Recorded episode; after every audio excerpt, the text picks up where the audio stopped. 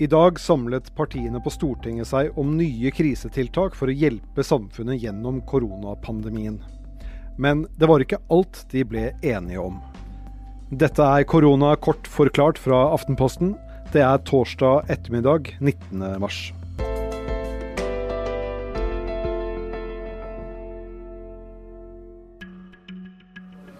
Da er vi klare.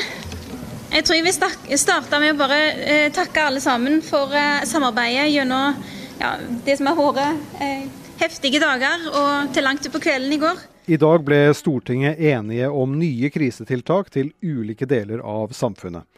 Det var Arbeiderpartiets Hadia Tajik som tok ordet først i vandrehallen på Stortinget etter vedtaket. Det vi har jobba med gjennom de siste dagene, de forhandlingene vi har hatt med partiene, det handler om folk. Det handler om å sikre de arbeidsplasser og trygge framtida til hele landet vårt.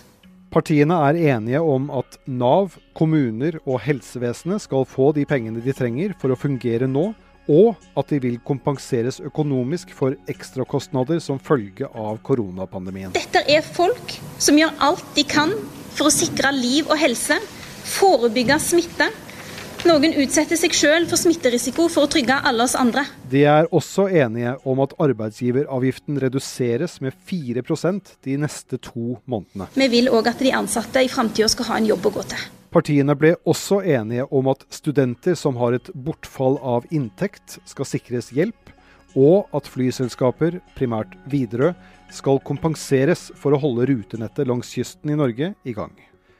Regjeringen sier at det vil komme flere økonomiske tiltak allerede i morgen. Verdien av den norske kronen, altså dine og mine penger, er blitt voldsomt svekket sammenlignet med euro og dollar det siste døgnet. Det betyr at varer kjøpt fra utlandet blir dyrere. For utlendingene blir det derimot billigere å kjøpe varer av oss.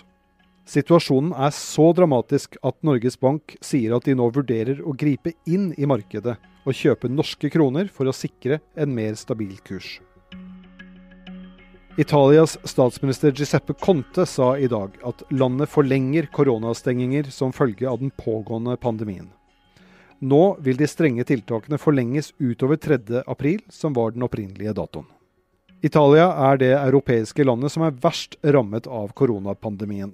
Onsdag var nesten 3000 personer i landet registrert døde av koronaviruset.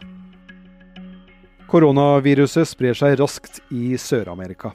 En rekke land har innført portforbud, som håndheves av hæren. I Chile erklærte presidenten katastrofetilstand i 90 dager på onsdag. He decretado estado de excepción constitucional. Alf Ole du er politisk reporter i Aftenposten. I dag samlet partiene på Stortinget seg om nye krisetiltak for å hjelpe samfunnet gjennom denne koronapandemien. Men det var én sentral ting de ikke ble enige om. Hva var det?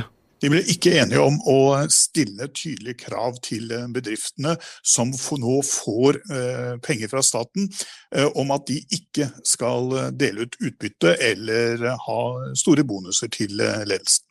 Hvorfor var det så vanskelig å bli enige om akkurat dette punktet her? Det var vanskelig fordi jeg tror man på en måte her har to ulike tilnærminger. Eh, Arbeiderpartiet, SV og Senterpartiet ønsker at det skal ligge en klar forutsetning for å få disse eh, krisepengene, kan du si. Eh, at man ikke deler ut utbytte eller har disse bonusene.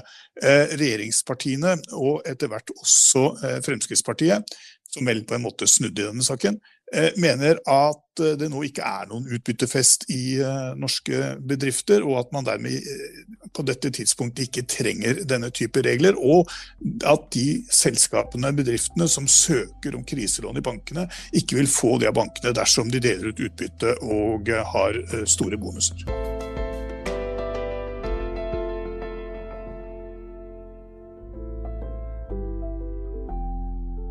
Det her var korona kort forklart. Vi gir deg det viktigste om koronaviruset de ettermiddagene det er noe nytt å fortelle. Jeg heter Kristoffer Rønneberg, og hvis du har spørsmål eller tilbakemeldinger, er det lettest å nå oss på Facebook-siden Forklart.